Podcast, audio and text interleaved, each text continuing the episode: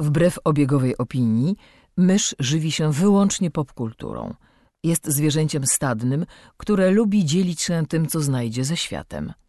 Jej naturalnym sposobem komunikacji jest przerywany śmiechem słowotok. Słuchacie podcastu Myszmasz.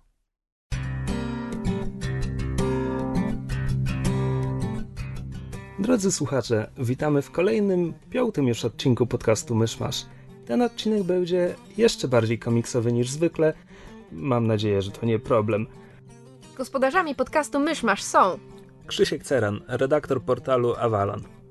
Kamil Borek ze studia Kobart. i Mysz, autorka bloga Mysza Mówi.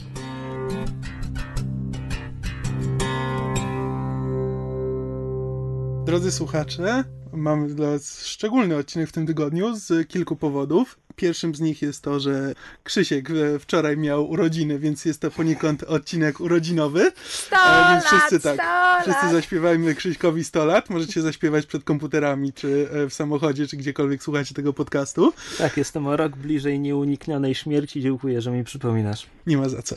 Powodem numer dwa, właściwie to numer jeden, jest to, że ten aksamitny głos, który słyszeliście na początku, należał do e, jedynej niepowtarzalnej pani Krystyny Czubówny, która swej nieskończonej łaskawości zgodziła się nagrać dla nas zapowiedź, która od dzisiaj będzie was witała przed każdym odcinkiem. Dziękujemy. tak, z tego miejsca dziękujemy pani Krystynie bardzo, bardzo gorąco. Trzecim powodem jest to, że na końcu będziemy mieli dla was mały, mały muzyczny kąsek. Muzyczne co nieco. Muzyczny co nieco. Może powinniśmy tutaj od razu wspomnieć, zanim zostaniemy posądzeni o nepotyzm. Fragment muzyczny został stworzony, Wykonany przez kapelę Those Who Dream by Day. tak, który połowę, połową kapeli jest siostra cioteczna Krzyśka. Jednej trzeciej myszmasza. Tak, ale żeby, żeby... Połowa kapeli jest spokrewniona z jedną trzecią myszmasza. Proste. Zrobiliśmy arytmetyczny podcast. Ale żeby nie było, e, to ja osobiście prosiłem, żebyśmy zamieścili ten, e, ten kawałek, ponieważ e, bardzo mi się spodobał po prostu osobiście, bez względu na osobiste powiązania.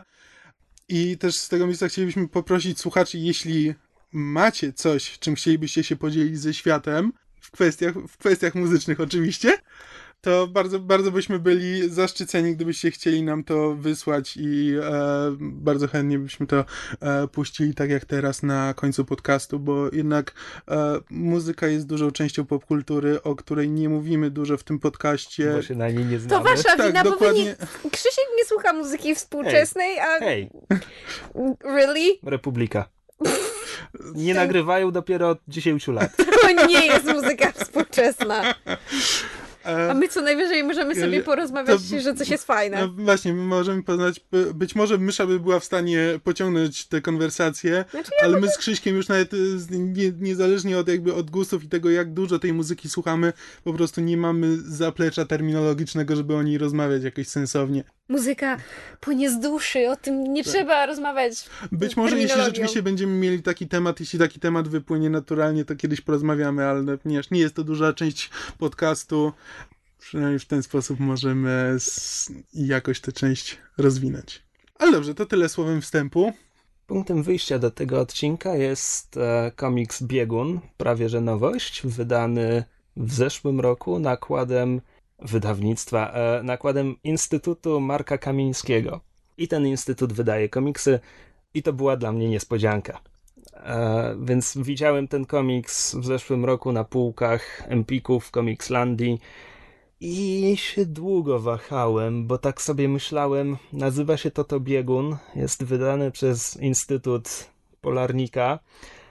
Myślałem, że sięgnę po to i w środku będzie coś w rodzaju, wiecie, komiks BHP, jak uniknąć salmonelli. Coś, spodziewałem się czegoś na tym poziomie. Ostatecznie kupiłem go tylko i wyłącznie ze względu na scenarzystę, którym jest Tobiasz Piątkowski, o którym więcej będzie później, a jego scenariusz zilustrował Jarosław Gach. Naprawdę. Będziemy się nabijać z jego nazwiska. Przepraszam, mam 5 lat. Bardzo piękne nazwisko. Staropolskie. Tak chciałam powiedzieć.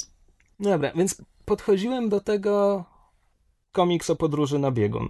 tak? Czego innego by się spodziewać. Nazywa się Biegun, na okładce jest e, fotos z wyprawy gdzieś po śniegu, kompas i Marek Kamiński.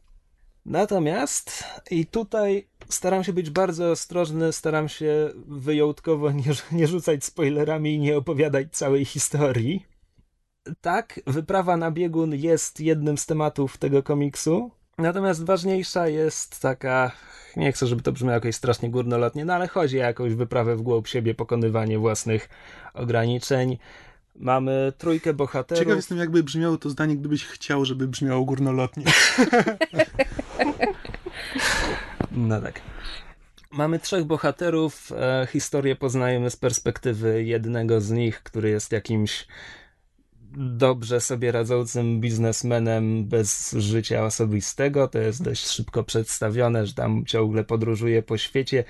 I dwójka jego znajomych z dzieciństwa, z którymi stracił kontakt. Wyjechał z rodzinnej małej miejscowości, oni tam zostali. No i otrzymuje informację, że jeden z tych znajomych miał wypadek, spadł podczas wspinaczki w górach. Fizycznie nic mu nie jest, ale że jest rozbity psychicznie. W sensie, i to tak kompletnie, jakby nie kontaktuje z otoczeniem, nie wychodzi z łóżka, nic. No więc ten nasz bohater postanawia wrócić do swojej rodzinnej miejscowości, spotyka tam tego trzeciego kumpla, z którymi nie miał prawie żadnego kontaktu, czy nawet żadnego kontaktu przez poprzednie 10 lat. Fabuła rozwija się dwutorowo, on tam stara się na nowo odkryć tę jakby rzeczywistość, której już, już nie kojarzy, no bo go tam nie było, wszystko jest dla niego trochę inne. A drugi wątek to są retrospekcje z przeszłości, w których widzimy bohaterów jako chłopców, jak biegają po tej wiosce i tam jakieś wspólne przygody mają. I oni, jak byli, jak byli mali, marzyli, że będą odkrywać świat, zapełniać białe, białe plamy na mapach i tak dalej. No, oczywiście rzeczywistość skrzeczy, widzimy, kim są teraz. I ten komiks jakby opowiada o odkrywaniu tych, tych marzeń na nowo, tak trochę dla siebie, trochę, żeby pomóc innym. To może nie brzmieć zachęcająco. Nie, wbrew pozorom jakby fabuła w tym momencie brzmi bardzo tak... Yy film niezależny, że tak powiem, głębokie właśnie przemyślenia o życiu i śmierci. Nie jest tak głęboki. Mhm. Jest tam trochę filozofowania, ale jest jakby bardzo proste i, i podane wprost. Natomiast e, inne rzeczy nie są. Są tam pewne niedomówienia. Może, może dlatego, że nie ma jakiejś wielkiej tajemnicy i dlatego po prostu łatwo się domyślić pewnych, pewnych rzeczy ale te postacie są bardzo fajnie poprowadzone, jest tam dużo humoru i tak ba bardzo nienachalnego i w dialogach, i sytuacyjnego, także to się bardzo fajnie czyta. Pokazywałem wam komiks wcześniej, bo mówiąc o komiksie wypada coś powiedzieć o rysunkach, a ja nie do końca wiem, jak je określić. Są, no nie, no są dość karykaturalne przedstawienie postaci. Mhm. E, Bogusław Polch, grafik, autor komiksów, używa innego słowa z tyłu okładki i mówi o smacznych francuskich grafizmach. Ja nie wiem, co to znaczy, ale bardzo mi się spodobało. Znaczy, rzeczywiście jest w tej kresce coś francuskiego. Tak, rzeczywiście. E... Ale mówię, mnie się to najbardziej kojarzy z Rintintinem. Więc e, to jest o rysunkach. Fabuła niby jest dwutorowo, ale tak naprawdę retrospekcje są utrzymane w innej tonacji kolorystycznej, trochę sepi, bardzo ciepłe barwy. To, co się dzieje w obecnie jest, jest zimne, niebieskie barwy, również inna pora roku. E, więc bardzo łatwo jest się zorientować, co się dzieje kiedy. Poza tym co jest jeden przeskok w czasie, o którym jest po prostu informacja w ramce mm, trzy dni wcześniej, czy, czy miesiąc wcześniej, czy coś w tym rodzaju. Także łatwo się w tym zorientować. A mówię o tym dlatego, że mam wrażenie, że to może być ta nieuchwytna bestia, komiks, który można dać komuś, kto nie czyta żadnych komiksów. Bo to jest, to jest historia obyczajowa, jest z humorem, y, jak mówię, łatwo nadążyć za fabułą, trochę karykaturalne rysunki to może kogoś odstraszyć, no ale jeśli kogoś odstraszy od komiksu tylko dlatego, że, że rysunki są dziwne, albo nie daj Boże, że nie wie, czy ma najpierw patrzeć na obrazek, czy najpierw czytać to, co jest w dymku, no to są przypadki beznadziejne, przykro mi. W każdym razie nie testowałem tej teorii, mam zamiar mam zamiar zasugerować mojemu tacie, żeby spróbował przeczytać ten komiks. On chyba od 40 lat nie miał komiksów w rękach, więc Ciekawe, Zobaczymy, ciekawe co... jestem, jak się taki eksperyment zakończy. Tak jak mówię, to jest, to jest historia obyczajowa. Po prostu jest bardzo fajna. Nie cierpię stwierdzenia, byłby z tego dobry film, bo mam wrażenie, że ono, e, że to tak jakby świadczy o tym, że, że historia w takiej formie, w jakiej jest teraz, jest niepełnowartościowa, że dopiero gdyby był z tego film, to dopiero można się nad nią pochylić. A komiks to jest dla mnie równowartościowe medium. Znaczy nie, Natomiast w tym wypadku chciałbym zobaczyć film. E, Po pierwsze, dlatego, że mało dobrych fi- polskich filmów powstaje, a ten można nakręcić za psie pieniądze. Naprawdę. Także, hej, jeśli słucha tego jakiś przyszły reżyser, początkujący, brakuje mu pomysłu, e, Biegun Piątkowskiego i Gacha polecam. Byłby z tego dobry film. Żeby zakończyć ten segment, z całego serca polecam komiks Biegun Piątkowskiego i Gacha. Panu Jarosławowi Gachowi dziękujemy, a skoro mówiliśmy o Piątkowskim, to teraz cofamy się do roku 1997, kiedy w kioskach pojawia się magazyn Reset. Reset to był magazyn o grach komputerowych, który od wszystkich innych magazynów o grach komputerowych różnił się ostatnimi kilkunastoma stronami, tak zwanym działem odloty, gdzie były artykuły o czymkolwiek bądź o kosmitach, teoriach spiskowych, Gwiezdnych Wojnach i były tam komiksy. W każdym numerze, nie wiem, nie wiem czy od samego początku, ale jeśli nie od samego początku, to bardzo szybko w resecie co miesiąc był komiks, a konkretnie cztery strony komiksu. Na początku nie pamiętam, kto tego komiksu był autorem, to jest na Wikipedii, ale już o tym zapomniałem. A zaraz potem pojawiły się komiksy Piątkowskiego i Adlera z scenariuszem Tobiasza Piątkowskiego i rysunkami Roberta Adlera. Na samym początku był chyba Gołota versus Predator, Tak, Gołota vs Predator czyli kompletna zgrywa. Nasz pięściarz bije się z Predatorem Dokładnie. w okolicy Pałacu Kultury. Po czemu nie? E, wcześniej lub tuż po tym był Castor Creek Resident. To było, Tego nie, czytałem programu. to było wiem, że króciutkie, było, ale- to były dwa odcinki chyba. I to była taka akcja w konwencji, nie wiem jak to nazwać, urban fantasy. Bohaterem był nauczyciel, nie wiem, matematyki, fizyki, który był nieświadomym nosicielem tytułowego Castora Kriega, który zwalczał demony, duchy i potwory. Ciekawy pomysł, z którym nigdy nic więcej nie zrobili, bo to, mówię, jedna króciutka historyjka, a potem zaczął się cyklicznie Break-Off. Break-Off to jest cyberpunkowy komiks akcji, 12 odcinków po 4 strony, czyli przez cały rok się ukazywał, 48 stron, zamknięta historia o grupce oszustów, złodziei, żołnierzy z, z, ze wszczepami, którzy dokonują napadu. Czysta akcja, bardzo sprawnie zawiązana. E, No, charaktery postaci były bardzo szczołtkowe. To jest, to jest to, co w tych komiksach mnie najbardziej, najbardziej mi imponuje.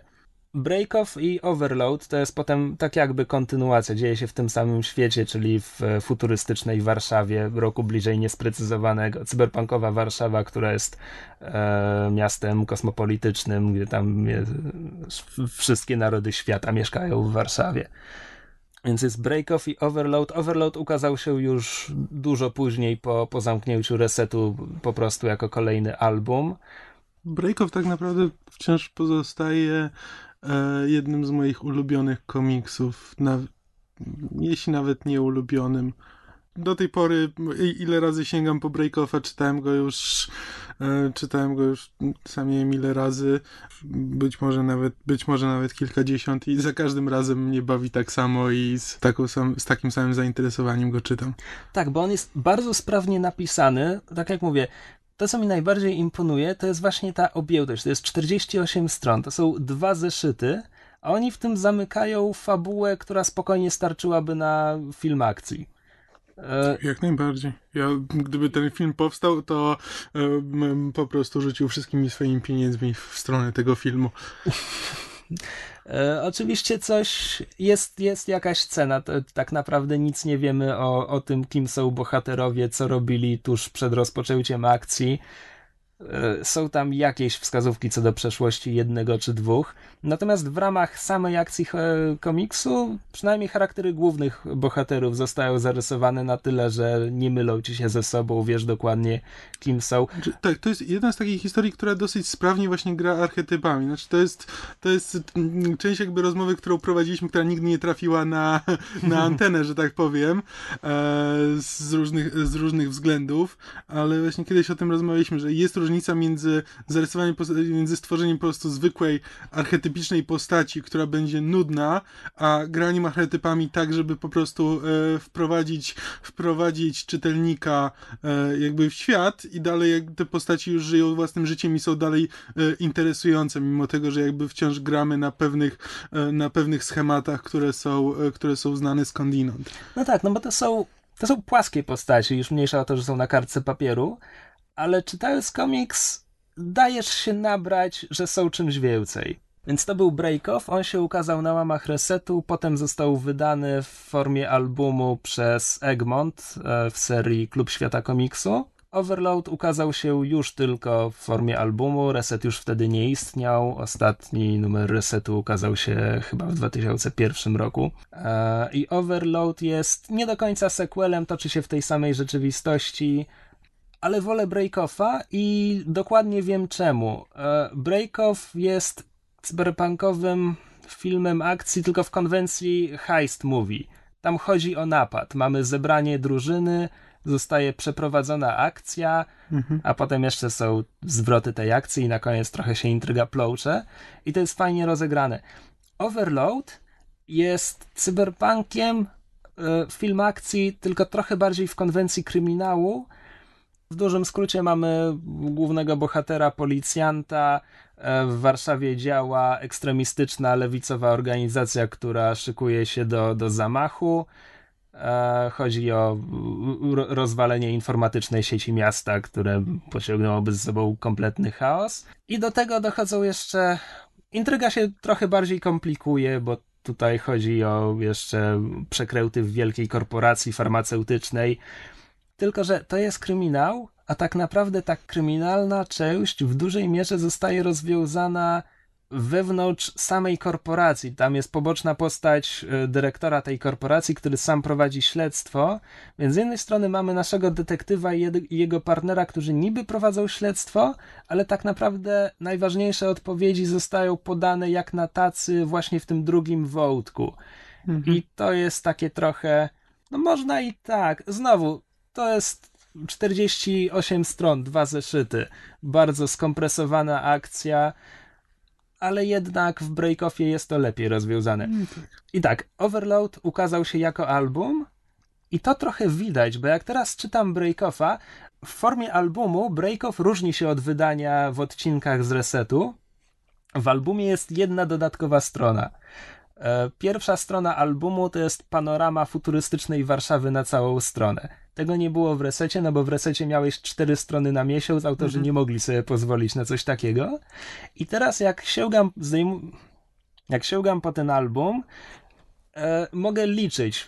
Pamiętam, żeby pominąć pierwszą stronę, bo jej nie było w resecie i mo mogę liczyć cztery strony, koniec odcinka i zazwyczaj to jest koniec sceny. E, fajnie, fajnie jest popatrzeć, jak to było wydawane, bo tam nie licząc samej jakby akcji w, w ostatniej części komiksu, kiedy to się faktycznie przeciąga i, i, i tak jakby ten koniec odcinka wypadał w połowie sceny, to zazwyczaj masz cztery strony, koniec sekwencji, zmiana miejsca akcji, zmiana czasu akcji często i jakby następ... widać te, te rozdziały, te mhm, oryginalne mhm. odcinki.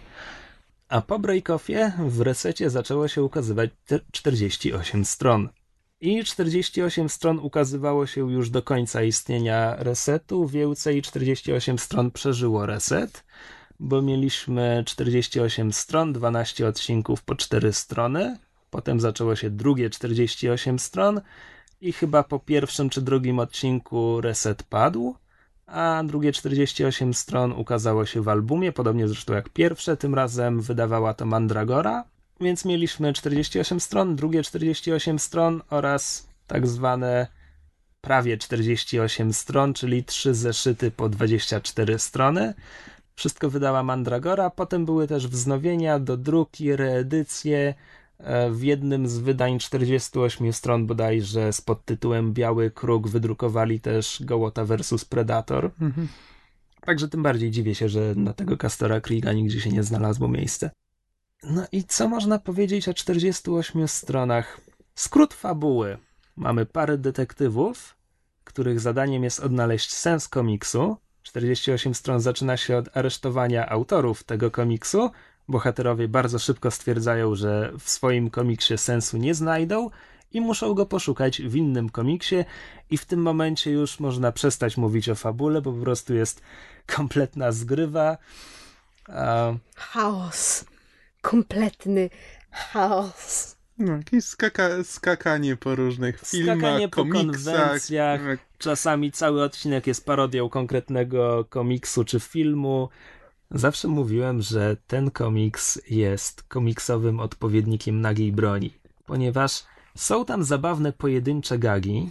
Są pojedyncze gagi, które są bardzo śmieszne, które, które potem chętnie powtarzałem, chociaż no nie, bez kontekstu też dają radę, bo i w, w tym komiksie kontekst nie ma wielkiego znaczenia, bo się tak często zmienia. Znakomita większość tych gagów jest co najwyżej średnia, taka, żeby się uśmiechnąć. Są, widzisz, widzisz, że jest. Natomiast jest ich tak strasznie wiele, taki natłok. Mamy, e, mamy po prostu humor w dialogach, mamy humor sytuacyjny, mamy jakieś gry słów, mamy jakiś slapstick, mamy jakieś detale na rysunku, które nie mają żadnego sensu, ale po prostu tam są. Jest scena jest scena w prosektorium, w której jest ciąg kadrów i na jednym z kadrów zamiast normalnego tła jest e, zakład grabarza z westernów. Nie ma to żadnego sensu, nie ma to żadnego znaczenia, po prostu jest w jednym kadrze. Tak, jest nawet scena, w której, w, w której e, a la Pulp Fiction siedzą w samochodzie, Górski, e, Górski i Butch siedzą w samochodzie i rozmawiają właśnie o pierdołach e, a la, a la Pulp Fiction i po prostu w, paru momentach e, bez żadnego powodu zmienia się styl rysunków albo e, ubranie bohaterów. E, nie ma w tym żadnego sensu, nie ma żadnego powodu. Czasami powód jest, jest na przykład. W, tym, w, tych, w tej scenie a jest. W tej konkretnej sytuacji w pewnym momencie jeden z bohaterów, hmm. Butch, jest rysowany, kolorowany w stylu starych komiksów, kiedy akurat tak. mówi o Dicku Tracym. Natomiast poza tym tak, oni na jednym obrazku mogą być e, Travoltą i, i, Jacksonem z Pulp Fiction, na kolejnym będą e, pff, brakuje mi przykładu. Kimkolwiek i kimkolwiek z czegokolwiek. Nie, jakby no w, ram, w ramach jednej sekwencji w tym kadrze będą takimi bohaterami z jakiegoś filmu, na, następny kadr jest stylizowany wizualnie na jakiś komiks, czy, czy jest odtworzeniem kadru z jakiegoś filmu, w kolejnym kadrze oni się zmieniają w Dextera i jego siostrę Didi, nagle pojawia się Batman tylko po to, żeby ich skloić za to, że, że, że stoją w korku. E, tego typu dowcip, gdzie każdy pojedynczy gag jest taki, no może żeby się uśmiechnąć pod nosem, ale ponieważ jest ich tyle, w każdym kadrze. Tak, a nawet w ramach jednego kadru potrafi być nałożone kilka warstw. W dialogu jest jakiś tam dowcip, w tle jest gdzieś tam jakaś mała postać, którą e, dopiero tam widać, na przykład przy drugim czytaniu dopiero widać, że coś tam jest dziwnego e, w kadrze. No i trzecie to, że jakby w kontekście leży, na przykład jest po prostu zmieniony kadr, zmieniona sceneria w. E, Moje ulubione to jest jak, jak, jak się bardzo mocno przyjrzy niektórym kadrom, bo to, że są dialogi i że są różne teksty w dymkach i w ramkach, to jest jedno. Ale jak się przyjrzy, to w niektórych kadrach, jak są jak różnego rodzaju rekwizyty, albo jakieś e, billboardy, albo jakieś ogłoszenia, albo nawet kubek z kawą, to bardzo często na bazgrane są na nich różne właśnie też zabawne dowcipy. Wczoraj właśnie zauważyłam. Tak, oni po prostu świetnie, świetnie jakby widać, widać że e, oni są bardzo biegli w znajomości popkultury i bardzo chętnie się nie obawią. A do tego Piątkowski ma fantastyczne wyczucie języka polskiego. Oj tak. Te jego, te jego dialogi po prostu się fajnie czyta. Te, czy, czy to są gry słów, czy to jest nawet w Breakoffie i Overloadzie, że po prostu te postaci fajnie mówią. Zresztą w Breakoffie też czasami pojawia się taki dość absurdalny humor, kiedy gromada scyborgizowanych, e, scyborgizowanych jakichś oprychów e, bije się z bohaterami i nagle padają dialogi w stylu e, kukuła, lutuj drania. tak. Wciąż moim ulubionym tekstem jest jak właśnie jeden z głównych bohaterów mówi do drugiego jesteśmy w głównie po zęby trzonowe. Górne czy dolne. Ten komiks trudno opisać, w nim sensu nie ma, e, o fabule nie ma co mówić. Kontekst, kontekst potrafi się zmieniać z kadru na kadr, po prostu z jednej parodii przechodzimy w drugą, a czasami mimo wszystko e, jedna sekwencja, w jednej sekwencji jest, jest e, setup, jakaś podstawa, e, do której puentę mamy stronę dalej, kiedy już trzy razy zmieniliśmy scenę, konwencję i tak dalej. Także po prostu natłok humoru sprawia, że nawet jeśli pojedyncze dowcipy są takie sobie, to całość jest rewelacyjna. To znaczy, dla mnie to nagromadzenie właśnie żartów i odniesień do popkultury i tego całego humoru i tego, no, powiedzmy, popisywania się właśnie swoją znajomością i wiedzą i o jacy to jesteśmy zajebiści, czego to my nie wiemy i z czego nie potrafimy sobie zażartować. I to połączone z tym totalnym brakiem sensu, który z jednej strony jest bardzo inteligentnie poprowadzone, bo o to, że sami sobie wielokrotnie ten brak sensu wytykają, więc nie, nie bardzo możemy mieć do nich o to pretensje, bo przecież od początku ostrzegali, że w tym nie ma sensu. Ale z drugiej strony właśnie to nagromadzenie e, tych wszystkich dowcipów i, i, i, i ten chaos, który tam panuje i właśnie ten brak sensu dla mnie są dwie, wbrew wszelkim pozorom, e, zarówno wady, jak i, znaczy zar, zarówno zalety, jak i ogromne wady tego komiksu, a jeszcze połączone z bardzo specyficzną kreską Adlera, która jest bardzo ciekawa jakby do oglądania, ale bardzo zła do podąża do czytania jakby, jeśli rozumiesz, co mam na myśli. Rozumiem, ale to zależy. On w 48 stronach jest... 48 e, stron to są jego najbardziej chaotyczne rysunki i jakby, no, jakby najprostsze. niechlujne troszeczkę takie. Znaczy, nie w nawet... złym znaczeniu tego słowa, ale po prostu takie bardzo właśnie Natomiast e, chaotyczne. bardzo bym chciał, żebyś kiedyś pokonała swoją niechęć do sci-fi i spróbowała break-offa, bo tam widać, a potem zwłaszcza w ja Overloadzie co on jednak potrafi, kiedy, kiedy to jest ważne dla komiksu, bo tam, mimo że tam również te kadry są bardzo przeładowane, bo oni to miejsce wykorzystują do maksimum, to w Breakoffie bardzo ładnie są, e, bardzo ładnie są sceny ustawione, także zawsze wiesz, w jakiej przestrzeni rozgrywa się akcja, gdzie, e, gdzie oni właściwie są, jak się do siebie mają postaci na różnych obrazkach. On bardzo dobrze tym się posługuje. On jakby jest, jest po prostu dobrym rysownikiem, e, natomiast jego postacie są bardzo uproszczone. Często, często twarze postaci tak naprawdę składają się z dwóch kropek i kreski, co wystarcza, żeby przekazać jedną silną emocję. Więc w ramach tych komiksów to, to często bardzo dobrze działa. No ale jak ktoś lubi fotorealistyczne albo po prostu lubi, żeby postać miała... Znaczy, gdyby, gdyby Adler miał narysować biegun, to by prawdopodobnie się do tego tak nie nadawał, jak do właśnie do 48 stron, czy do break-offów, które są jednak uproszczonymi historiami, bez jakby niuansów emocjonalnych. Wiesz co, nie przesadzajmy znowu z tymi niuansami emocjonalnymi.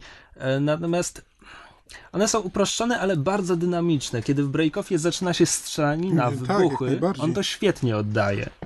Nie, ja nie mówiłem, że nie, nie mówię tutaj uproszczone, uproszczone jakby mm, w pejoratywnym znaczeniu, tylko chodzi mi właśnie o to, że to jest po prostu okrojone do, e, do niezbędnych części historii. No tak. Tak, to prawda. Jeśli uznamy, że y, oczy są zwierciadłem duszy, to faktycznie dwie kropki Adlera mogą się nie nadawać do takiego scenariusza. Ale skoro o tych dowcipach, e, w, znaczy jakby o żartach i, i wszelkiego rodzaju nawiązaniach w 48 stronach mowa, to było parę takich, e, jest parę takich żartów, które są powtarzane jakby przez cały album. E, tak, I one na początku są nachalne, a potem im dalej w, w album, tym bardziej śmieszą no. i człowiek na nie czeka. Jedna mroczna, monumentalna tak, budowla z początku wieku. Ja tylko po prostu czekałam, aż to się gdzieś pojawi i w pewnym momencie jest nawet dopisek, dawno tego nie było, tak. nie? W przeciwieństwie do Breakoffu, 48 stron zebrane w albumie zachowuje konstrukcję odcinkową, czyli są te wszystkie dopiski w następnym odcinku, w poprzednim odcinku. E, zwłaszcza, że one często, jak tam jest segment w poprzednim odcinku, to dostajemy rysunki, których wcale nie było w poprzednim ja odcinku. Ja właśnie wczoraj sobie robiłam przypomnienie z 48 stron, które pierwszy raz czytałam bardzo dawno temu, chyba nie wiem, Chyba pierwszy raz, kiedy wyszły w formie albumu, czyli to musiało być po... 2001 tak, rok chyba, po, albo drugi. Po skasowaniu, znaczy ten, po, po zlikwidowaniu resetu. O, tutaj, um, tutaj mam moje notatki. Reset zlikwidowano w, w 2001. No to jakoś tak w 2002 może musiałam to czytać. W każdym razie wczoraj to Pies sobie... ci robił te notatki. Cio. Cio. Wczoraj sobie ten, ten album przypomniałam i właśnie tak patrzę i tak czytam i czytam i czytam i czytam. Część jakby wygląda znajomo, część była dla mnie kompletną nowością i oczywiście w związku z tym, że jakby mam już troszeczkę większe, większą wiedzę filmową i popkulturową, to jakby więcej żartów też do mnie trafiło i, i więcej zauważyłam. Ale tak patrzę właśnie na to w poprzednim odcinku takie, ale ale ja tego nie pamiętam. I to nie jest to, że to był odcinek, który wyszedł miesiąc temu. Ja to czytałam minutę temu. I właśnie długo się zastanawiałam, co zaszło, a potem stwierdziłam, te 48 stron, to nie ma mieć sensu. A wiesz co, ja dopiero jak y, kupiłem Breakoffa w albumie, czytając album, zorientowałem się, że moja kolekcja resetu była niekompletna. Mia miałem, miałem cztery strony wyrwane z historii. Niestety Aha. moje wszystkie resety poszły, nie wiem gdzie poszły, nie wiem co się z nimi stało, więc... Cholerę poszły. Więc bardzo się cieszę, że, że mam to wszystko w albumach. Mhm. No ale mówiąc o 48 stronach, trzeba jednak wspomnieć o prawie 48 stronach, czyli tych zeszytach, które się potem ukazywały. I to nie jest tak, że one są złe, bo tam aż do samego końca są, są dowcipne gagi. Tylko, że tak jak mówiłem, że w 48 stronach i drugich 48 stronach tak naprawdę humor polega na ich nagromadzeniu, a w tych zeszytach oni zaczynają rozciągać to. Mamy całą sekwencję na przykład prowadzącą do jednej puenty, która jest przeciętna, no bo to jest jeden gag. Jeśli wtedy mieliśmy no, przynajmniej jeden gag na kadr, a zazwyczaj po kilka gagów na kadr, to oznacza średnio, nie wiem, 16 gagów na stronę, liczba wzięta z sufitu oczywiście, a jeśli tutaj mamy dwie strony prowadzące do jednego gagu, no to nawet jeśli on będzie dobry, to to już nie jest to. E, tak jak w albumie, w, oni wykorzystywali to miejsce maksymalnie ładowali tych gagów. Tak w trzecim, w trzecim zeszycie są trzy splash page, czyli strony, gdzie jeden kadr zajmuje całą stronę. No i znowu, oni się z tego nabijają w ramach tego zeszytu, no ale to nie zmienia tego, że mamy trzy strony, na których są tylko trzy obrazki, na których nawet nie ma gagów no, jakby seria skończyła się niewypałem, nie ma, nie ma zakończenia, ale z drugiej strony, jeśli od początku nie miała sensu, to czy trzeba oczekiwać zakończenia domknięcia wątków? Co się teraz z tymi panami dzieje? No, Piątkowski dalej pisze scenariusze, jak widać po biegunie, a Adler... Ja nie wiem, czy Piątkowski nie wyjeżdżał do Stanów. Nic mi na ten temat nie wiadomo, natomiast Adler... Może to był Adler. Adler na 100% wykonał pierwsze nieśmiałe kroki na rynku amerykańskim. A. Zilustrował miniserię na podstawie Dika, tak jakby prequel do Czy androidy śnią o elektrycznych owcach. Nazywało się to to Z prochu w proch. Także, no nie wiem, może, może mu się powiedzie, trzymamy kciuki. Dlaczego w ogóle chciałem o nich mówić? Biegun był jakby punktem wyjścia, ale potem zaczęło mi bardzo zależeć na tym, żeby, żeby poświęcić ten segment i, i mobu, i ich komiksom. I zacząłem się zastanawiać czemu i doszedłem do wniosku, że gdyby nie oni, możliwe, że ja bym się nie zainteresował komiksem. Bo tak, Reset zaczął się ukazywać w 97, czyli miałem wtedy 10 lat, no to już zdecydowanie wyrosłem z Kaczora Donalda, za Strixa raczej też, Usagiego Yojimbo i Sandmana odkryje dopiero w późnym gimnazjum na początku liceum, więc te parę dość przełomowych lat, mój jedyny kontakt z komiksem to był właśnie regularnie w resecie Adler i Piątkowski. Mhm. I dlatego, no dlatego po prostu tak, tak ich lubię. Oraz jest... dlatego, że to są bardzo dobre komiksy. Tak.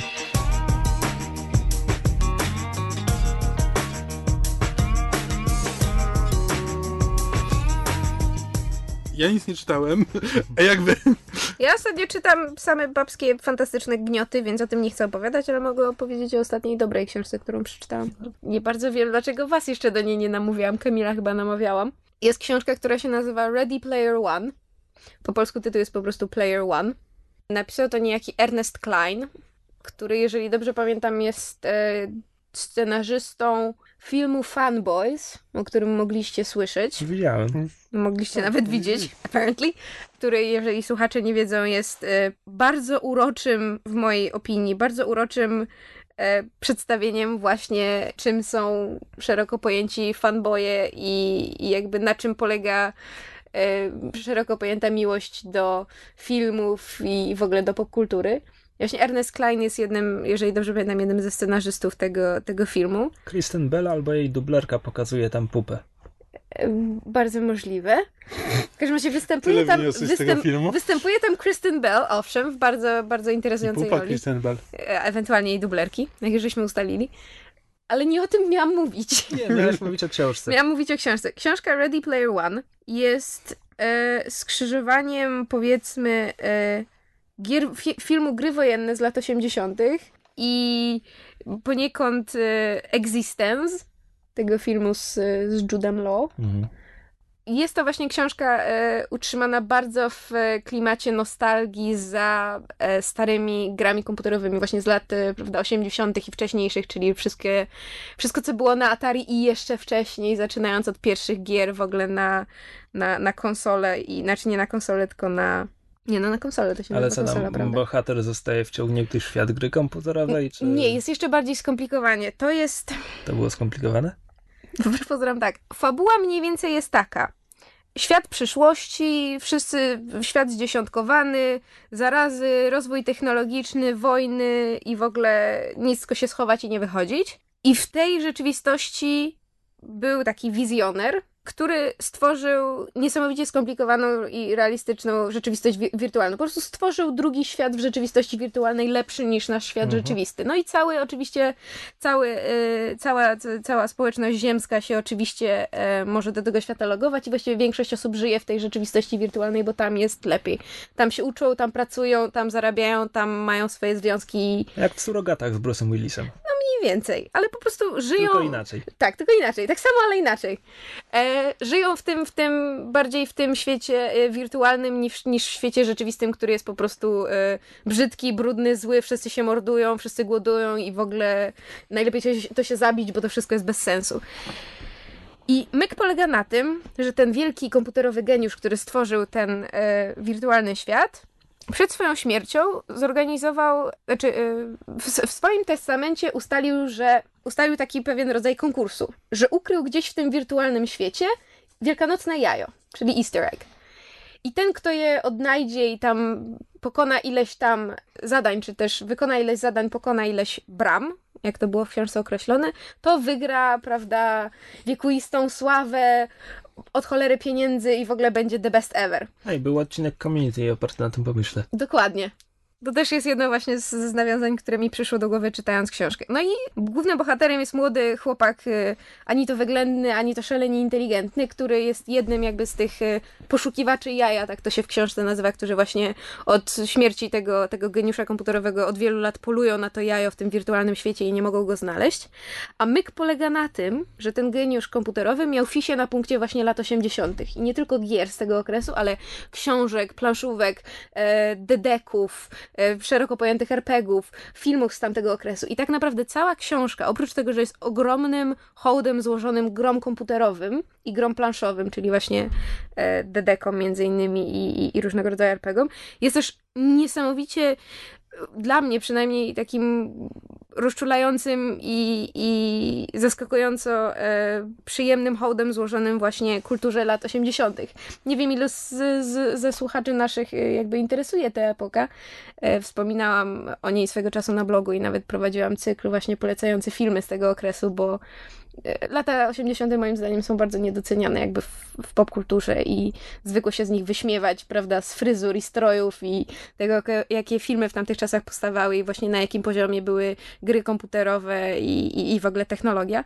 A prawda jest taka, że, że naprawdę Mówimy o amerykańskich latach 80., bo nasze lata 80. Tak, oczywiście. wyglądały jeszcze inaczej. jest zupełnie inaczej, ale e, wydaje mi się, że właśnie zaczyna powstawać jakiś taki niewielki, ale jednak trend, który stara się te lata 80. jakoś e, przywrócić do łask i ja nie jestem jakimś wielkim maniakiem gier komputerowych, o czym wy, wy dwaj zresztą wiecie, bo to... Słuchacze też już wiedzą. Słuchacze też już powinni się zorientować, że gry to nie jest moja e, broszka, ale byłam Po szczerze... nie lubisz się bawić.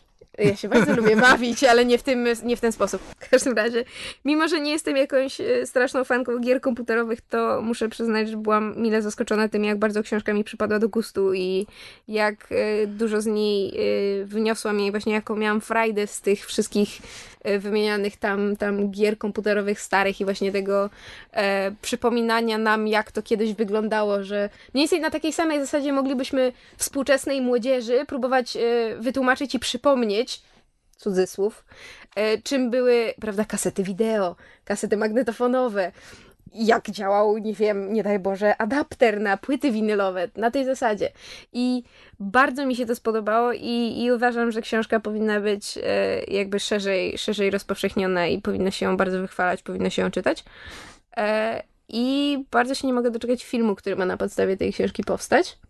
Jest sytuacja o tyle ciekawa, że prawa do zekranizowania książki, jeżeli się nie mylę, zostały wykupione przed e, napisaniem książki. To znaczy Ernest Klein e, napisał konspekt jakby tego, co, co, co chce napisać. Na podstawie tego zawarł umowę e, na książkę i od razu na film. I ta sama sytuacja jest teraz z jego kolejną książką, którą będzie pisał. Nie pamiętam tytułu, co prawda, ale też się to odbyło na tej zasadzie, że on przedstawił, jaki ma pomysł. Wszyscy się od razu na to rzucili, że tak, jasne, my ci damy pieniądze i, i zrobisz tego, co chcesz. I od razu też wykupione zostały prawa do filmu. Więc biorąc pod uwagę, jaki fajny film powstał z, z tych, z Fanboys, to i, i, tego, jak bardzo mi się właśnie podobało to Ready Player One, to nie mogę się doczekać tego filmu. I mam bardzo dużo nadziei, że będzie w stylu gier wojennych.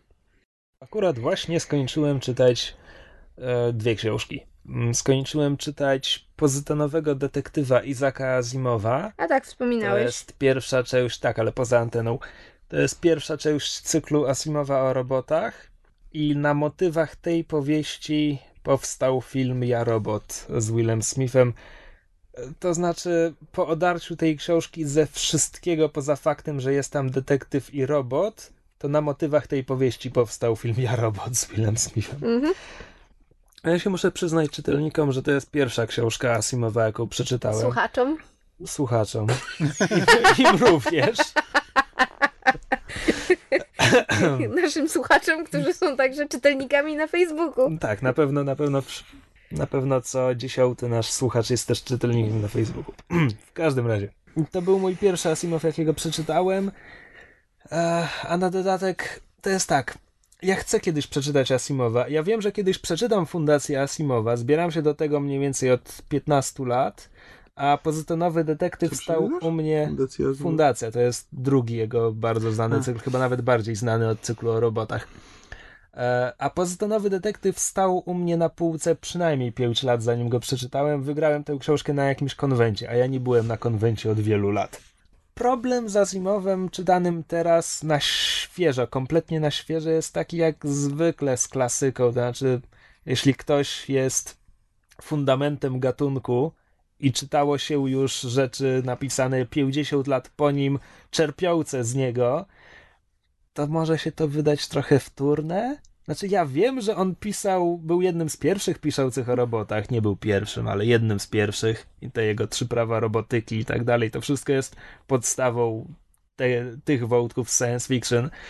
No i gdybym to przeczytał 50 lat temu, to byłbym pod wrażeniem. Gdybym to przeczytał jako dziecko, gdyby to było moje pierwsze science fiction, to byłbym pod wrażeniem. Mhm. A czytając to teraz, no te wszystkie wątki znam już w, w, wielu formach z wielu innych źródeł, które są wtórne do Asimowa, no ale jak go teraz czytam, to już nie ma tej świeżości mhm. i pozostają dość suche dialogi, e, dość płaskie postaci, i taka ogólna, no taka ramotka no, trochę. Taka drętwość troszeczkę. Jest trochę oczywiście urok retro science fiction, jak się czyta wizję dystopijnej przyszłości, która powstała 50 lat temu, gdzie świat zmierza ku zagładzie, bo populacja globu wyniosła 8 miliardów ludzi.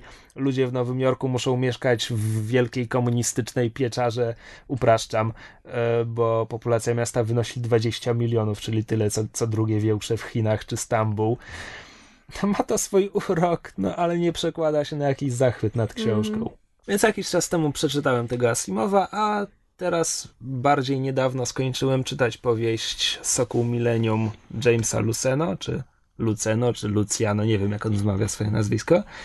To jest e, powieść ze współdzielonego świata Gwiezdnych Wojen, gdzie tam 158 autorów się już udzielało i bardzo mi się podobała. To jest książka w której e, Han Solo i Leia Organa wraz ze swoją wnuczką, bo dzieje się już wiele, wiele, wiele lat po wydarzeniach z filmów, e, ruszają tropem przeszłości swojego statku kosmicznego Sokoła Millennium, próbują znaleźć jego poprzednich właścicieli, czy nawet oryginalnego właściciela, wpadają na trop jakiejś tajemnicy, a jednocześnie z wieloletniej śpiączki Klisza budzi się jeden z tych poprzednich pilotów i rusza tym samym tropem, tylko w drugą stronę. To znaczy, on zaczyna od początku historii statku i, i w końcu spotykają się w środku. I to jest przeplatane często małymi, krótkimi rozdziałikami właśnie z życia tych poprzednich właścicieli czy pilotów, jakieś przebitki z historii Gwiezdnych Wojen. I ta książka mi się bardzo podobała, bo po pierwsze jest kameralna. To jest mała historia, która dotyczy tylko tych ludzi. E, te poszukiwania są trochę w konwencji poszukiwania skarbu.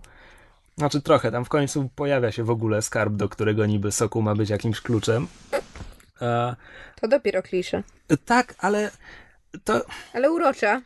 Po pierwsze tak, po drugie książki z Gwiezdnych Wojen rządzą się trochę swoimi prawami, to znaczy to jest tak... E, ich zaczęło powstawać wiele w latach 90., w połowie lat 90., na początku lat 90.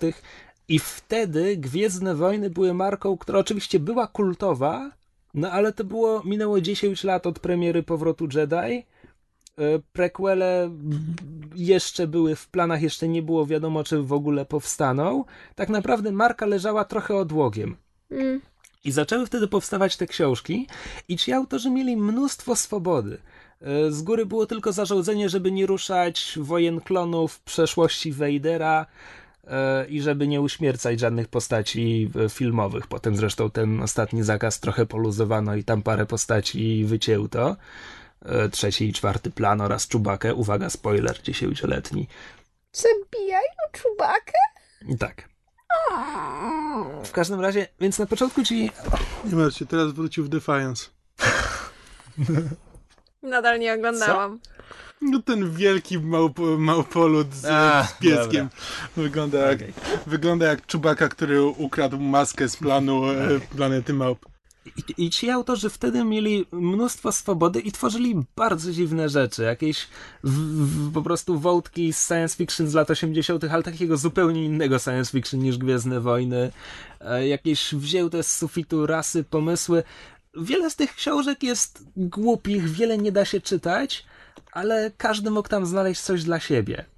A potem, kiedy zaczęły powstawać prequele, to całe to tak zwane rozszerzone uniwersum, Expanded Universe, zostało przekierowane jakby w podbudowywanie kampanii promocyjnej do prequeli. Teraz powstawały książki głównie z tych epok yy, i jakby ściślej związane z filmami. A parę lat temu przeszło rozporządzenie, które dla mnie w, ogóle zabiło tę, nazwijmy to, serię. To znaczy, każdy produkt gwiezdnowojenny ma być na pierwszy rzut oka rozpoznawalny jako pod, produkt gwiezdnowojenny. To znaczy, jeśli, jeśli to jest film czy gra, to tam wizualnie wszystko ma się zgadzać, czyli wszystkie statki kosmiczne tych złych muszą być trójkątne, żołnierze zawsze będą mieć białe pancerze i tak dalej, i tak dalej. To na pierwszy rzut oka mają być Gwiezdne Wojny, przez co to je, się jeszcze bardziej stało powtarzalne. A w książkach... Jak, to rozporządzenie kiedy wyszło? Wiesz co, parę lat temu. Ja nie wiem na ile ono jest oficjalne. Ono może inaczej. To może być nawet spiskowa teoria fanów, ale po prostu znajduje takie odzwierciedlenie w tym, jak wygląda mhm. ostatnie parę lat Expanded Universe, że uznaje je za fakt, bo po prostu tak to wygląda. Mhm. A jeśli chodzi o książki, to o ile wcześniej były tam właśnie te wzięte z sufitu pomysły, gdzie każdy mógł znaleźć coś dla siebie, jakby ten świat bardzo rozszerzano. Jest kilkunastoczęściowa seria, której głównym bohaterem jest Wedge Antilles, postać z filmów w najlepszym wypadku y, trzecioplanowa. I one są bardzo fajne, są w konwencji, że Wedge Antilles i, jego dzielni piloci. Strasznie fajnie się to czyta. To nie jest wielka literatura, ale jest przyjemna. I były, jakby wiesz, można było tam znaleźć książkę, której bohaterem właśnie jakaś postać z piątego planu, czy, czy zupełnie fikcyjna, znaczy zupełnie fikcyjne, jeszcze bardziej fikcyjne w sensie, w sensie, że autor po prostu, autor, autor książki zapełnia książkę postaciami, które sam wymyśla, a nie, że bierze po prostu to, co mu dają na tacy z A nie, że pisze fanfiki. Tak. A ostatnie w uproszczeniu 10 lat wygląda tak, że powstają kolejne książki o tych głównych bohaterach z filmów, czyli Han, Luke, Leia, potem ich dzieci ostatnio już wnuki zaczynają dochodzić. I te książki wybiegają jak najdalej w przyszłość. Ostatnie książki dzieją się 45 lat po Nowej Nadziei. I zabrakło tych książek, które idą, że tak powiem, wszerz, to znaczy rozszerzają ten świat, nie skupiają się tak bardzo na tych postaciach, czy w ogóle mm, są bez tych głównych postaci, a które ja najbardziej lubiłem, bo to były te książki, gdzie autorzy mogli się wykazać inwencją. Bo tak, te książki jakby główne, z głównymi bohaterami, to naprawdę się czyta jak fanfiki. To są fanfiki, Tak. skoro dalej opowiadają losy tych samych znanych bohaterów, to to jest niemalże podręcznikowy Tak, tak jak o tym opowiadasz, to zaczyna. Bo wciąż, wciąż nie wiadomo, czy y, nowa, nowa, tryl, nowa, nowa trylogia Gwiezdnych Wojen, trylogia. jeszcze nowsza trylogia Gwiezdnych Wojen, będzie, Najnowsza trylogia. będzie rebootem Expanded Universe, czy, by- bo, bo jakby są podejrzenia, że nie będzie brała pod uwagę tego, co się działo w Expanded Universe, przez co będzie jakby rebootem całości, co tak jak słucham teraz tego, co mówisz, to może to nie będzie, nie będzie takie złe. Znaczy oczywiście są tam rzeczy, których jakby będę bronił, bo są fajne, tak? Nie, no na pewno tak. No, jednak jak, jak napiszesz tysiąc książek, to przynajmniej 10 z nich będzie bardzo fajna. No tak, i niestety ta statystyka może, może podobnie wyglądać. Nieskończona ilość małp przy nieskończonej ilości e, maszyn do pisania. Tak, tak, tak. Jakby, jakby słuchacze się zastanawiali, to polecam książki Timothy'ego Zana, Michaela Stackpola i Arona Alstona. I jeszcze Karen Travis, ale ona jest, e, jak to się mówi, Kobietą. kobietą, tak. O, za to powinieneś dostać po głowie. Ona jest, Jezus Maria, że nie wszystkim się podoba. Ona jest kontrowersyjna. O, tego słowa mi brakowało. Na K. Trudne słowo. Trudne słowo na K. Kobieta. Oj, Nieładnie. Wytnij to. No. Ty. Wszyscy się dowiedzą. Ty, seksisto. Oj. I skoro te ostatnie ileś lat Expanded Universe tak wyglądało, no to kiedy teraz pojawia się ten Sokół Millennium, który co prawda jest z Hanem i Leją, ale oni są tam na równi z innymi postaciami. Wcale nie grają pierwszych skrzypiec, historia jest kameralna, nie ma ratowania całego wszechświata przed kolejnym złym imperatorem, który ukrywał się na zapomnianej planecie, a ja nawet nie chcę wymieniać ile książek opierało się na tym pomyśle. No tak. Ojej. Po prostu było bardzo przyjemne. Oczywiście ci bohaterowie mają teraz po 60-70 lat, co wiąże się z kolejną zmianą w Expanded Universe. Po prostu parę lat temu, kiedy te książki już dotarły do, tej, do tego punktu, kiedy oni są emerytami, nagle otrzymałem informację, że no ale jak to? Przecież Gwiezdne Wojny. Medycyna jest tak rozwinięta, że ludzie dożywają do tego swojego zaprogramowanego genetycznie 100 120-130 lat bez żadnego problemu i jak ktoś ma 60 lat, to tak jakby w naszym świecie miał 35-40. tak a, a, jednak umiera, a jednak umierają, kiedy tracą wolę do życia. Tak. Dokładnie tak. Co? Tak. E, Padme w epizodzie trzecim umiera, bo straciła wolę do życia. Tak. Nie ma A nie nic- przy porodzie? Nie. E, Droid, który odbiera poród, mówi, e, że wszystko jest z nią w porządku, ale straciła wolę do życia. Ja tylko raz widziałam trzeci epizod, muszę obejrzeć jeszcze raz. Wiesz co, niewiele więcej od ciebie, bo nie miałem serca, ale... E,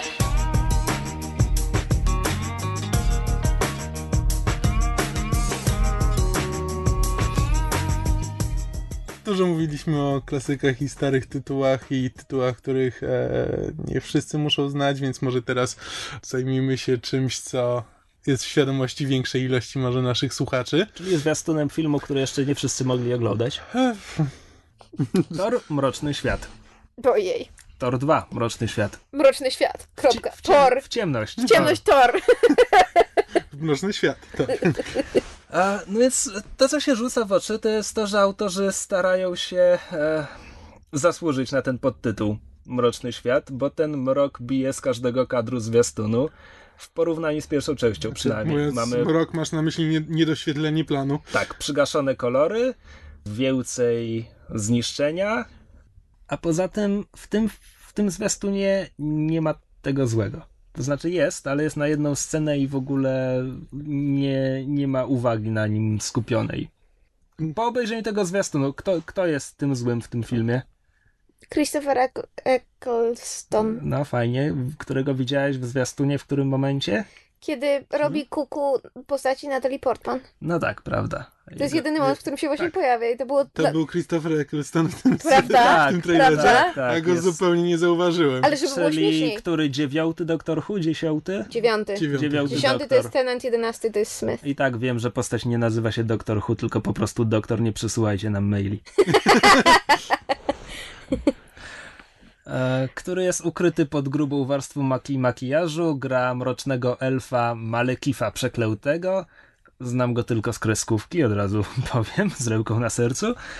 E, I właściwie go w tym zwiastunie nie ma. On coś mówi Zofu, Tak, torturuje biedną, jakiej tam, Jane? Jane Foster. Jane Foster i, i właściwie tyle. Ale to w sumie nic nowego, bo w trailerze Supermana ani jednym, ani drugim, ani trzecim. No tak. W pierwszym w ogóle nie było Zoda, w drugim pojawia się na jedną scenę, w trzecim Trzech pojawia na się na dwóch. jedną scenę. Dwo, dwie No, sceny. może w dwóch. Czy tam jedną rozbitą na dwa To znaczy, że w filmie będzie miał trzy.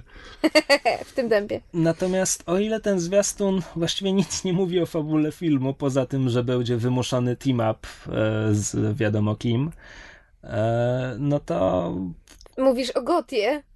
Tak, tak, widziałem tę parodię. Wszyscy widzieli, to było cudowne. Mam nadzieję, że słuchacze też widzieli, bo inaczej nie będą wiedzieli, o czym mówimy. Biorąc pod uwagę, że temat włosów Lokiego jest najpopularniejszym tematem obecnie w internecie, musieli widzieć. Siedzimy w innych W internetach. twoim internecie. Cicho. W twoim W moim internecie.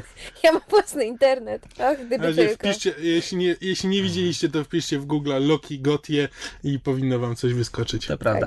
E, Do czego zmierzam od paru minut bezskutecznie?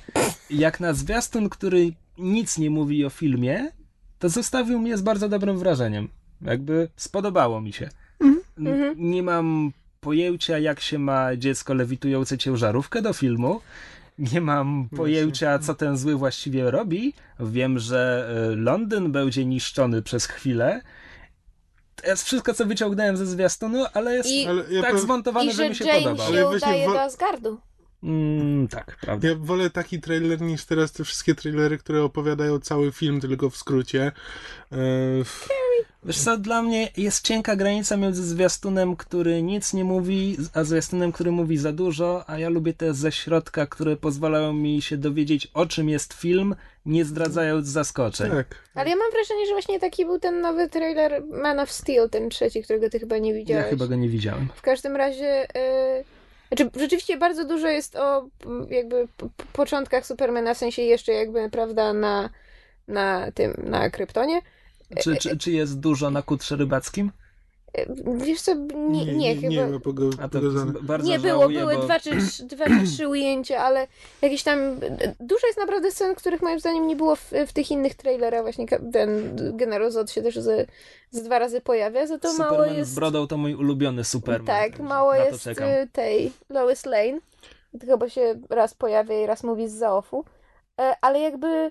Czekaj, czy to jest ten zwiastun, w którym ona zaczyna sugerować, jakby, jak on mógłby się nazwać Tak, i jak na zaczyna koniec. mówić S, super, coś, to, to jej tak, przerywają. i on na to mówi excuse me. To widziałem ten zwiastun. Y, Ta scena sprawia, że zaczynam się zastanawiać, czy w tym filmie też będą uciekać od ksywy superbohatera. Jest dużo filmów, w których mamy tytuł, gdzie jest ksywa superbohatera i cały film, gdzie nikt go tak nie nazywa.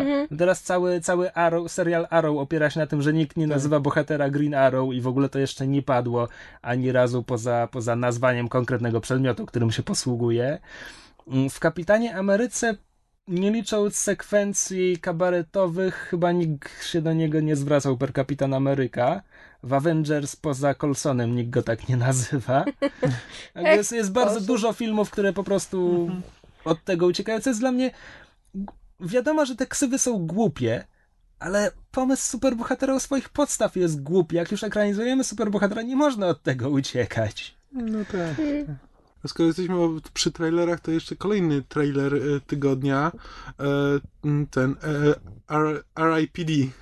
Rest, Rest in in Peace, Peace Department. Department. Ciekawe, jak Tak. to przetłumaczą. Komiks Na pewno źle. Na A- pewno będzie jakiś, nie wiem, spoczywaj w spokoju, nie wiem, jakiś... Nie, będzie jakiś ten wydział spraw duchowych albo coś równie, równie Coś oryginalnego i z e, Ja w każdym Albo razie... wydział, wydział paranormalny. tak, Tak. wydział paranormalny i Nie tyle. było już czegoś pod tytułem wydział Będzie po prostu będzie, będzie dużymi literami będzie R i P D i pod spodem będzie jakiś tam podtytuł, który wy, wymyśli Tak. e, dwóch nawalonych kokainą e, z Oh, przedstawicieli dystrybutora. Teraz żeśmy się Gdyby narazili. któryś z dystrybutorów filmowych chciał nam zaoferować pracę, to my bardzo chętnie. Tak, kokaina super, nie no spoko. E, ja w każdym razie, e, po- pomijając kwestię tytułu, który na pewno po polsku będzie e, mniej niż bardziej odpowiedni, bardzo czekam na ten film, z, z, ale nie w sensie jak na dwie wielkie dzieło kina, tylko po prostu jak na film przygodowo-fantastyczny z gatunku Men in Black skrzyżowanego z Konstantynem. W tym rzecz, e, jeśli oceniać po samym zwiastunie, on jest bardzo podobny do Men in Black. Oczywiście od, od facetów w czerni pierwszych minęło tyle lat, że publiczności może to zupełnie nie przeszkadzać. Natomiast oglądając ten zwiastun miałem takie wrażenie, że on może być ujmująco idiotyczny, a równie dobrze może się okazać żenująco idiotyczny Mhm. i sam zwiastun nie daje mi podstaw, żeby to ocenić, ale nie jestem pewien, czy chcę ryzykować seans.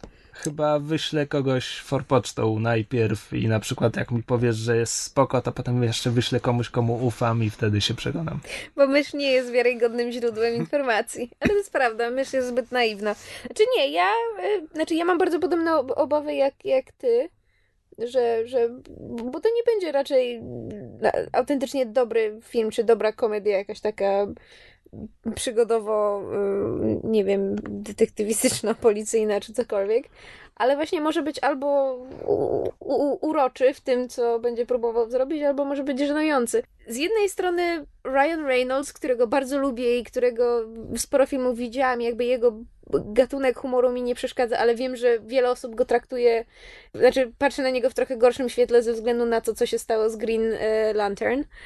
Ale z drugiej strony, żeby zrównoważyć e, wątpliwości co do Reynoldsa, jest Jeff Bridges, który jak się postara, to naprawdę potrafi dostarczyć. e, Tak, tylko w tym zwiastunie wygląda trochę jakby się nie starał. Jeff Bridges ma taką manierę, obejrzyj sobie chociażby Trona ostatniego, gdzie on też się w ogóle nie starał, a mimo to człowiek patrzy i widzi, że to jest the dude, no po prostu nie da się, nie da się Jeffa jednak e, kompletnie olać. To coś, co w zwiastunie mnie niepokoi, to, że ich, e, to jak ich widzą śmiertelni, to jest Jeff Bridges jako piękna tak. blondynka i Ryan Reynolds jako starszy Chińczyk, to się zapowiada na motywy rodem ze złych komedii Ediego Murphy'ego. Oj tak, te, to, to mnie, do, do tego momentu y, oglądałem ten trailer i wow, ale fajny to będzie, to będzie fajny film, potem zobaczyłem tą scenę z tą kobietą i tym Chińczykiem i e, nagle pojawiły mi się bardzo duże wątpliwości w mojej Znaczy, głowie. Powiem tak, mnie się podoba koncepcja tego, że oni jakby w- świecie rzeczywistym są wi- widziani, wi- wi- postrzegani inaczej. Podoba mi się również koncepcja tego, że jakby są, prawda, prze, przestereotypowane te, te postacie właśnie tej, prawda, pięknej blondynki i tego Asian sidekick. I jakby rozumiem wasze obawy, ale jakby sama, sama koncepcja tego mi się podoba na tyle, że jeżeli nie będzie to robione nachalnie, oni rzeczywiście przez większość czasu będą, prawda, jakby sobą, a to będą tylko tam w, w trakcie całego filmu dwa czy trzy gagi będą na tym oparte, to myślę, że to nie będzie jakoś straszne. Jeżeli to nie będzie rzeczywiście nachalnie, prawda, wtłaczane nam do gardła, że pamiętajcie, że on naprawdę wygląda jak piękna blondynka, a ten jak, prawda, Tak, jeśli to, jest, jeśli to będą jedyne y, żarty z tego, które widzieliśmy w trailerze, że to będzie jeden czy drugi żart y, po prostu tak sobie i potem to już nie, to już nie wróci i nie będzie miało znaczenia dla fabuły, to okej, no w porządku. Głupi żarcik, ale taka jest konwencja filmu. Ale jeśli to będzie, jeśli to będzie powtarzane co chwila, to, e, to będzie to ciężko oglądać. Znaczy, bo, bo to jest prawda oparta na komiksie i tego typu właśnie konwencja, znaczy tego typu pomysł w komiksie na zasadzie, że postacie w rzeczywistości są postrzegane inaczej, moim zdaniem jest właśnie fajne, bo to się na pewno pojawiało tam raz czy dwa na, na, na jakimś tam którymś panelu. Wiesz co, nie mam pojęcia na ile, na ile blisko film jest komiksu. Z tego co czytałam całkiem sporo, ale to, że tak powiem, y, słuchaczom nie chcę, nie chcę nic sugerować, bo to czytałam o tym filmie dość dawno, kiedy on dopiero powstawał i nie chcę, nie chcę przekazać jakichś fałszywych informacji, ale jakby, znaczy, yy, yy, już nawet nie, nie biorąc pod uwagę, czy ten sam pomysł, czy ten pomysł jest wzięty z komiksu, ale w komiksie taki, taka, taka koncepcja moim zdaniem by się sprawdziła właśnie bardzo fajnie na zasadzie, że raz na jakiś panel, znaczy raz na jakiś czas na, na którymś tam panelu się właśnie pojawia to przypomnienie, że aha, oni wyglądają inaczej. Jeżeli w filmie to będzie zrobione na podobnej zasadzie, nie będzie, nie będzie ten koń zajeżdżony, to, to moim zdaniem to będzie całkiem w porządku. No, no, no powtórzę tylko, że te po zwiastunie jestem przekonany, że to będzie film z tego rodzaju, że posyłam do kina najpierw znajomych, zanim sam zaryzykuję. Spoko, to my z Kamilem pójdziemy. Spoko, ja mogę na to pójść.